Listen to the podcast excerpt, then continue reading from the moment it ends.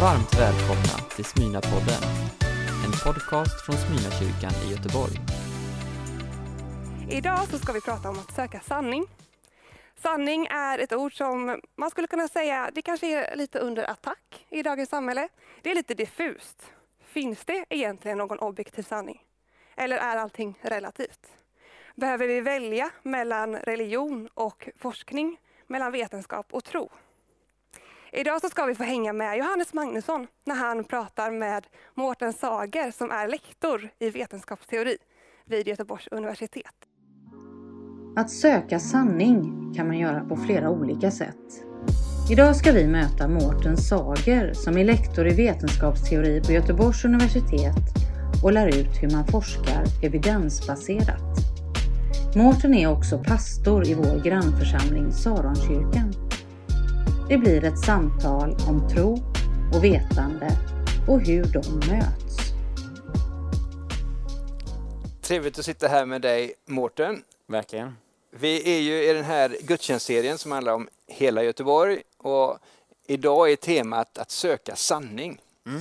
Och du eh, är ju pastor i vår grannkyrka, även om du inte längre är anställd. Men det är egentligen inte i första hand därför att du är här, utan det du nu arbetar med är att du är lektor i vetenskapsteori på Göteborgs universitet och, och, och leder de som skriver masteruppsats och annat i evidensbasering. Alltså för oss som inte rör oss jättemycket här i, i akademiska kretsar kanske. Så, kan inte du bara förklara, vad är ditt jobb? Förklara för dummies. Eh, Ja. vad gör du där? ja, precis. Eh, Vetenskapsteori är ju ett konstigt ord. Eh, Det handlar egentligen om forskning om forskning. Så att det är liksom kunskap om hur man tar fram kunskap. Och eh, eh, det jag gör på masterprogrammet i evidensbasering det är ju att jag framför allt hjälper många som jobbar ute i välfärdens verksamheter, vård, skola, omsorg med mera, eh, till hur de ska tänka kring kunskap. Därför att tanken är ju att eh, Eh, när man kommer till läkaren eller till sin socialsekreterare eller vad det kan vara, eh, då ska ju de insatserna, de besluten som fattas där av de här professionella personerna, det ska vara grundat i forskning, bland annat. Och, men hur går det till? Eh, forskning, det finns jättemycket forskning där, där ute, liksom på nätet och eh, på PubMed och på andra databaser. Men, men hur ska man ta till sig det? Hur ska man sålla? Hur ska man tänka kring olika sorters kunskap som man matas med eller som man kanske borde matas med och sådär. Eh, så att både, och det är både en teknisk sida av det, hur söker man upp kunskap och granskar och sådär, men också vad är kunskap? Där behövs det en del reflektion och jag tror vi kommer att komma fram till det senare här, att just det där är ganska viktigt. Vad är faktiskt kunskap? Det finns en del missuppfattningar och ska man säga, ensidigheter när vi tänker på kunskap. Men för, och, och, och, och liksom ta den tråden där just där, när kunskap och vetenskap kontra då det som vi gör i kyrkan, som handlar om tro. Eh, alltså, ofta skiljer man ju det mycket åt. Man säger att ja, men det här, tro det får man göra i kyrkan eller, och så. Och vetenskap det är det man vet, alltså tro och vetande. Men, men jag tänker att det inte riktigt är så enkelt att, att det liksom hur vet man och, hur, och vad, vad drar man liksom gränserna och, vad är, och, och behöver det verkligen stå mot varandra? För Ja. du har ju en tro också. Nej men, nej men det är precis det som framkommer när man då forskar om forskning och inte bara liksom läser programförklaringarna av hur forskning borde vara. Utan man väl forskar på det och, och undersöker det lika noggrant som till exempel naturvetenskapen undersöker ett vaccin eller ett virus. Lika noggrant undersöker man forskarna och hur de agerar och tänker och sådär. Ehm, och då, då ser man ju att det är verkligen inte liksom, fyrkanter hela vägen. Det är verkligen inte algoritmer eller formler liksom, som är otvetydiga utan det finns jättemycket bedömningar, eh, valsituationer och någonting som man skulle kunna kalla för tro. Alltså tillit och, och ungefärliga uppfattningar som forskare och de som jobbar med med eh, att använda forskningskunskap i praktiken så att säga ute i välfärden. Eh, de måste ha en ganska bra dos av den här troselementet så att säga. Och, och, och man kan säga så här, i de situationer där man inte accepterar den sortens kunskap, eh, det vill säga bedömning, tillit och sånt här, det märks ganska tydligt. Du då som har en, en, en kristen tro och väldigt engagerad i, i, i vetenskap och, och, hur forskning bedrivs och allt sånt där som du säger. Många sätter ju det helt mot varandra. Så antingen tror man på vetenskap eller så har man eh, en kristen tro eller en, en, annan tro också för den delen. Mm. Men i ditt liv är det ju inte så. Nej. Kan man göra båda och? Eller hur, hur, hur förenar du dem rättare sagt? Eh, nej men, eh, jag tänker mig att det som är, är viktigt det är ju att eh, inte tro sig veta på förhand vilken sorts kunskap är, eller tro som behövs i en given situation. Eh, därför det är väldigt tydligt med eh, de goda exempel som jag studerar, om vi nu tar då i vården. Eh, då är det att man, man har en slags öppenhet för att ja, här plötsligt ja, men här har vi en möjlighet att använda strikt naturvetenskap. Liksom. Och då är det klart man ska använda det. Om det är så att man, man med ett prov kan få reda på om någon har covid. Eh, det är klart man ska göra det liksom, i en viss situation. Men i andra situationer så behöver man använda mer liksom, eh, tillitsbasering eller eh, bedömning eller expertis eller tyst kunskap är också ett sånt här begrepp. Då. Och på samma sätt i ens, ens vardag, då, då, tror jag det är så att många människor kommer till en punkt i sitt liv där de märker att om de bara ska förlita sig på det de definitivt kan veta med full säkerhet, då är det en massa frågor som man inte kommer åt. Liksom. Eh, så att för mig handlar det ju inte om att, att liksom skilja på tro och vetenskap utan att i varje liksom, situation och, och, och, i, varje, liksom, i, i vardagen vara öppen för okej, okay, vad är det för kunskap vi behöver här? Och det, det är ju ingenting som jag gör medvetet. Men däremot så, så tror jag att man kan, man kan låsa sig själv genom att ställa upp krav som inte passar en viss situation. Men som sagt, det finns frågor borta med det.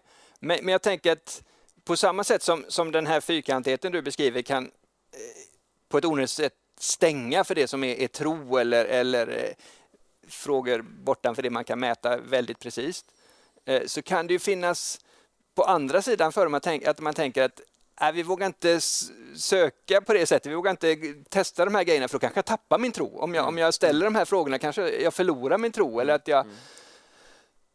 Vad absolut, tänker du om det? Ja, men absolut, och det där är, eh, ja, men det är andra diket på något sätt. Eh, så att, så att, eh, och där får man ju liksom lita på att, att de här olika typerna av kunskap, om vi kan prata om det. Så att säga. Om, vi, om vi tar liksom det yt ytterligheten här, att vi, vi kan göra ett experiment på någonting och få definitiva svar, eller ganska definitiva svar. Även i experiment så är det oftast lite tvetydigheter faktiskt när man tittar närmare på det. Men ganska definitiva svar. Och sen har vi andra typer av kunskap där det är mer, liksom, ah, men det, här, det här verkar jag är ganska säker på detta. Jag kan inte säga riktigt hur, men jag är ganska säker på att det här är... Det, intuitiva, det är mer intuitiva, precis. Ja, ja. Eh, och, eh, och det är klart att, att om du inte vågar eh, tänka dig att det finns svar att få med hjälp av den här andra mer definitiva eh, kunskapen, eh, då går du miste om någonting. Och Gud är ju där också. Gud, det är inte så att Gud bara har skapat osäkerheten och det tvetydiga. Han har också skapat eh, forskarnas möjligheter att hitta liksom, rätt säkra sanningar om hur ett vaccin fungerar. Eller sådär. Och, och det skulle jag säga, det är en av de stora hoten idag. Det är när man börjar ifrågasätta de här institutionerna och professionerna som ägnar sig åt att ta reda på detta eh, utan riktigt något skäl till det. Bara för att man är misstänksam eller man tycker att de inte stämmer med ens egen världsbild. Ehm. Men, men om jag bara får... För i ditt eget liv, om jag, nu kan jag inte hela din story exakt givetvis, men, men du liksom sökte och eh, fann och kom till tro. Du, du, kom inte från en troende bakgrund men, men kom till tro i, i tonåren någon gång. Hur, hur gick det till? Eller liksom, vad... Nej, men eh, det, det, var, eh, det var ju för att jag, jag fick höra om Jesus i en, en klassrumssituation faktiskt. Det var några eh, sådana här glada tonåringar som åkte runt med en gitarr och spelade och berättade om Jesus. Ehm, och, och, och då var det någonting i det jag hörde där som, eh, som eh, gav en genklang. Mm. Och då hade jag av någon anledning, eh, det är svårt att helt klarlägga det, men av någon anledning, trots att jag var uppfostrad liksom väldigt liksom, medicinskt och naturvetenskapligt, mina, mina föräldrar var läkare, eh, så hade jag ändå fått med mig en slags öppenhet för att inte bara avfärda saker. Liksom. Ehm, och det, det, tänker jag, det kan vara en bra gåva att ge sina barn, att inte avfärda saker rakt av, utan liksom odla en slags öppenhet. Det betyder inte att man ska liksom acceptera vad som helst, men att, att vara, liksom lite, vara lite försiktig med att döma ut saker eller så direkt. Men, men jag hade fått en sån eh, öppenhet så att jag valde att lyssna på den här tonen som uppstod på något sätt. Den här, vänta lite, här är det någonting som jag inte, jag känner inte till det här, men det besvarar nog någonting, någon slags fråga i mig eller någon slags någonting som jag inte har varit i kontakt med tidigare. Det, det finns någonting här. Liksom. Och sen eh, sökte jag vidare på den vägen. Jag tillät mig det. Liksom. Ja. Och där ska jag tillägga, ett, en viktig faktor där var ju att jag hade vänner som var kristna, som jag visste var kristna, som inte skämdes för det. Men de missionerade inte eller så, så de har inte berättat någonting för mig speciellt. Men, men det gjorde också att det kan också hjälpa till en ja, viss ja. öppenhet. Att jag hade sett att ja, man måste inte vara korkad eller dum eller sådär för att vara kristen. Ja, det är spännande att, följa dig också med, med, med detta. Att, att kunna ha de här fötterna på båda ställen som egentligen är på samma ställe. Men jag, jag tackar dig jättemycket att, att vi fick prata med dig lite i den här gudstjänsten, höra lite av din historia och förhoppningsvis är det något som kan, vi kan ta med oss och få utmanas av och få hjälp av vidare. Tack så mycket Mårten. Tack. Vi är mitt i predikoserien Hela Göteborg. Och som göteborgare så måste man ju älska ordvitsen. Alltså att det betyder ett par olika saker. Hela Göteborg. Ja, det första betydelsen är ju hela staden, alla som bor här. Vi är en stad, alla ska med. Och Den andra betydelsen handlar ju mer om någonting som är trasigt. En stad där det finns splittringar, uppdelningar, eh, sår av olika slag. Som behöver läkas, som behöver bli hela. Hela Göteborg. Och På samma sätt som det är så för, för staden i stort, så är det ju också så för, för var och en av oss. Alltså, det är stor skala för stan, men även för mig gäller där. Att när hela staden ska med så innebär det för mig att det finns en plats för mig. Alla. Du är inkluderad, jag är inkluderad.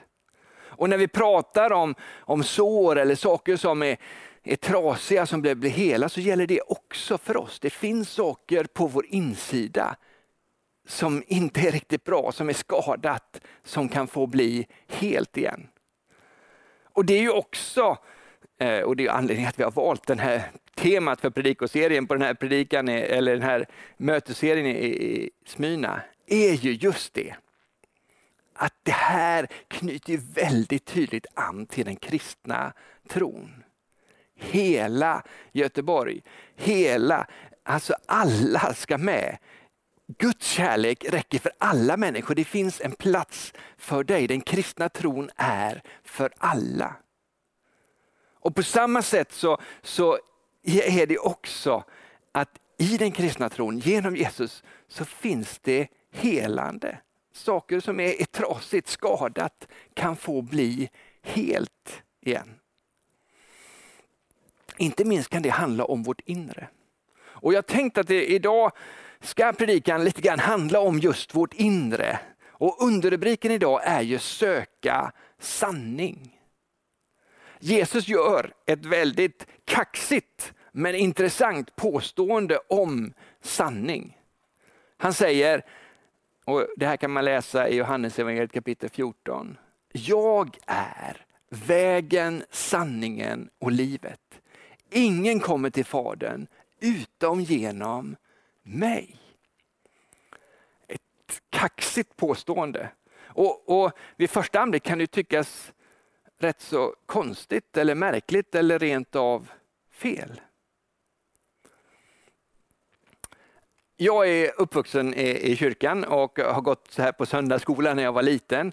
Och En sak man snappar upp som barn är när det ställdes en fråga i söndagsskolan, en annan typ av samling, så var Jesus, det var alltid rätt svar. Om man inte visste vad man skulle svara, om man tyckte frågan var svår, om man hade missat vad det sades. Jesus, Det var alltid rätt. Och även om det kanske inte ens var det konkreta rätta svaret på frågan fröken hade ställt, eller eh, söndagsskolläraren, så eh, tycktes det alltid gå hem ändå på ett eller annat sätt. Och när jag lite senare sen blev tonåring så, så var en slogan som vi hade, och inte minst när vi gick ut på, på stan och kanske talade om tron och försökte visa på, på tron, var Jesus är svaret. Jag vet att vi hade till och med jackor med Jesus är svaret på, på ryggen.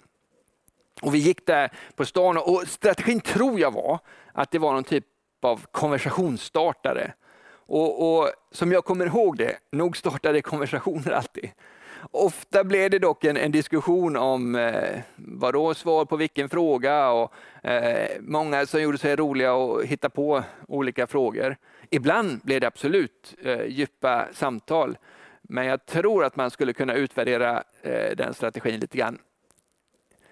I vilket fall eh, så var ju just slogan Jesus är svaret. Och, och vid första anblick så verkar ju det också lite korkat, för det finns ju massor av frågor där Jesus inte är det rätta eller det sanna svaret. Alltså om, du, om man frågar, vad är ett plus ett? Jesus? Nej, det är det ju inte, det är två. Eh, när var slaget vid Lützen? Hur ska jag göra för att vinna på Lotto? Vad ska jag tanka min bil med? Och så du vet, vi skulle kunna radda på med, med frågor. Det finns mängder av frågor och svaret är ju inte Jesus på dem, eller rätta svaret i alla fall. Och jag tänker att det måste varit på ungefär samma sätt. Eh, där när Jesus säger detta, jag är vägen, sanningen och livet. Människorna måste ha reagerat och tänkt, det, det här, det var märkligt. Vad, vad menar han nu? Vadå eh, vägen? Jag menar, det finns ju massor av, av, vägar här, men du är ju en person som står här. Vad, vad menar du med det här? Sanningen, livet. Människorna i Israel måste tänka, men jag lever ju. Människor runt omkring mig lever. Det är första gången jag träffar dig. Vad, vad menar du med att du är livet? Alltså det måste varit en hel del som tänkt, inte bara att det var kaxigt, men också att det var lite korkat så som Jesus sa. Men det som Jesus gör är att han, han tar saker till en helt annan nivå. Lite grann som, som det intressanta samtalet som jag hade med, med Mårten. Där, där vi talar om tro och vetenskap och han uttryckte det så, så bra om att det, på ett sätt är det som olika språk och ibland är det man har kanske det här mer precisa eller direkta så, som man ofta kan koppla till, till vetenskapen. Men det finns också frågor där det inte är svar, där det inte räcker att och, och, och liksom få den typen av, av fakta. Om, om man tar ett exempel. Om man skulle fråga så här, varför lever jag? Så skulle vi kunna ge dig ett antal anatomiskt korrekta svar om kroppen. Man skulle kunna säga, ja men det beror på att du har ett hjärta som, som eh, slår och pulserar, som pumpar runt blodet i din kropp och syresätter din kropp och därför lever du. Och, och, jag vet, och jag ska inte försöka göra någon heltäckande beskrivning här, att det, det är klart det är mängder av saker i kroppen som gör att den fungerar, som, som tillsammans svarar på frågan varför jag lever. Ett jättekomplext system med mängder av olika delar. Men bara som ett exempel, och det skulle man kunna svara på faktamässigt, vetenskapligt om man nu vill uttrycka sig så. Men det vi menar när vi ställer den frågan handlar inte ofta om exakt hur fungerar det eller vad är det som gör att vi lever på det sättet. Utan det vi menar är ju ofta någonting djupare djupare. Alltså, var, var kommer jag ifrån? Eller varför just jag? Frågor som, som man skulle kunna kalla är existentiella eller, eller rör djupet, någonting bortanför. Och det är just det med Jesus och med den kristna tron. Den kristna tron säger att det är Jesus som är liksom bakom allting. Det beskrivs väldigt vackert och, och poetiskt som att Jesus är ordet, skapelsens ord. Eh, att det är genom honom som allting blir till. Eh, och Jesus beskrivs som den som fanns från början och, och, och, och, som är den som, som är ansvarig och håller ihop det vid slutet. Att Jesus är den som är under, genom, bakom allting. Sanningen bakom allt.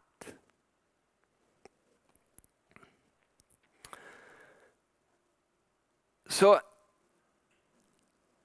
då kan man ju tänka sig, men vad, vad, är, vad är det för bevis? Eller vad, vad, finns det för bevis för att Jesus är, är den? Ja, det finns liksom inga bevis för, för, för just detta. Inte så kan man inte tala om det, inte lägga fram det så. Eh, och, och, det är inte riktigt så det, det, fungerar.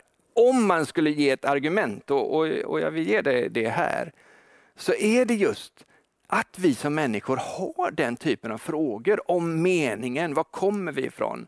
Vad, vad, betyder det? Hur ska man hantera de här djupa sakerna? Var kommer kärleken ifrån? Var kommer glädjen ifrån? Var kommer det vackra? Var kommer skönheten ifrån? Var kommer lidande ifrån? Eh, hur hanterar man ondska? Alltså alla de här frågorna som är de, de större frågorna. Att vi ens har dem tyder ju på att det finns någon typ av svar. Varför skulle vi ha en längtan, ett sökande efter det annars? Det skulle man kunna ta som ett argument för det gudomliga, att det faktiskt finns någonting där bortom, något större. Och det som i den kristna tron beskrivs som Jesus Kristus. Men ofta är det liksom inte argumentens väg, det är inte den vägen, utan ofta är det lite mer så som Mårten så, så vackert beskrev det som hade hänt i hans liv. Att när han hade talat om Jesus så, så fick det en genklang i hans liv. Det slog an någonting här på insidan. Det, det stämde med någonting. Alltså, eh, när man finner Jesus så, så, ger inte det en bara alla svar på allting. Tvärtom kan det vara så att det, det skapar mer frågor, ett mer ett sökande. Man, man, man, man upptäcker här finns någonting men, men det skapar miljoner frågor, en längtan efter någonting, eh, någonting mer. Men samtidigt som det gör det så är det också någonting som, som klickar till, någonting som hamnar rätt. Alltså det som, som man som kristen, med kristen tro skulle beskriva som att man hittar tillbaka till honom som har gjort oss från början. Att, att liksom, plötsligt så blir den här länken, eh, att, att man känner att det här har hamnat rätt. Det här det är någonting, här finns det en väg att söka vidare på, att, att gå på. Eh, och inte så att man har svar på alla frågor på det sättet, men, men det är någonting annat, någonting djupare som ramlar på plats. Och Det där kan vara lite svårt att, att beskriva. Och, eh, det är lätt att orden känns lite eh, tunna sådär. Men jag tänker att det är så med andra saker i livet också. Eh, när man ska beskriva någonting, någonting djupare så, så är det lätt att eller det, det, är inte alltid så lätt i alla fall att hitta rätt ord som beskriver tyngden och djupet på det, det som händer igen. Om man tar som exempel, eh, om jag skulle försöka beskriva varför jag älskar min fru, eh, Malin. Så den relation som kanske betyder mest av allt för mig. Liksom. Eh, så, så, när man börjar leta, ja, ja, det är ju för att hon är snäll, eh, för att hon är, är fin att se på. Eh, jag tycker om att vara med henne. Eh, alltså, om man inser att men jag skulle lika gärna kunna beskriva, det är en hund jag beskriver. Alltså, men ändå är detta denna oerhört viktiga relationen för mig, men ändå blir orden lite platta. Och jag tänker det, det är samma sak med, med, med liksom tron och, och, när det händer någonting i en. Det är inte alltid lätt att beskriva det på, på, med de liksom vackra djupa orden för det som faktiskt händer. Men någonting händer och, och så som, som man skulle då kunna förklara det med all den platthet det innebär. Det är att, att Jesus landar som sanningen i mitt liv. Sanningen bakom de andra sanningarna. Det som finns bortom eh, det som är större och det som är, är djupare. Det finns en annan sanning som Jesus också pekar på. En annan typ av sanning. och, och jag ska läsa kanske det mest kända citatet Jesus har om sanningen. Jag, jag citerar först det ena, men nu tar jag också eh, det andra. Och Då läser jag från Johannes evangeliet kapitel 8. Eh, och Det blir som en diskussion, ett samtal med några judar där. Så här står det från den 31 versen. Till de judar som trodde på honom sa Jesus, om ni förblir i mitt ord är ni verkligen mina lärjungar. Ni ska lära känna sanningen och sanningen ska göra er fria. De sa, vi härstammar från Abraham. Vi har aldrig varit slavar under någon. Vad menar du med att vi ska bli fria?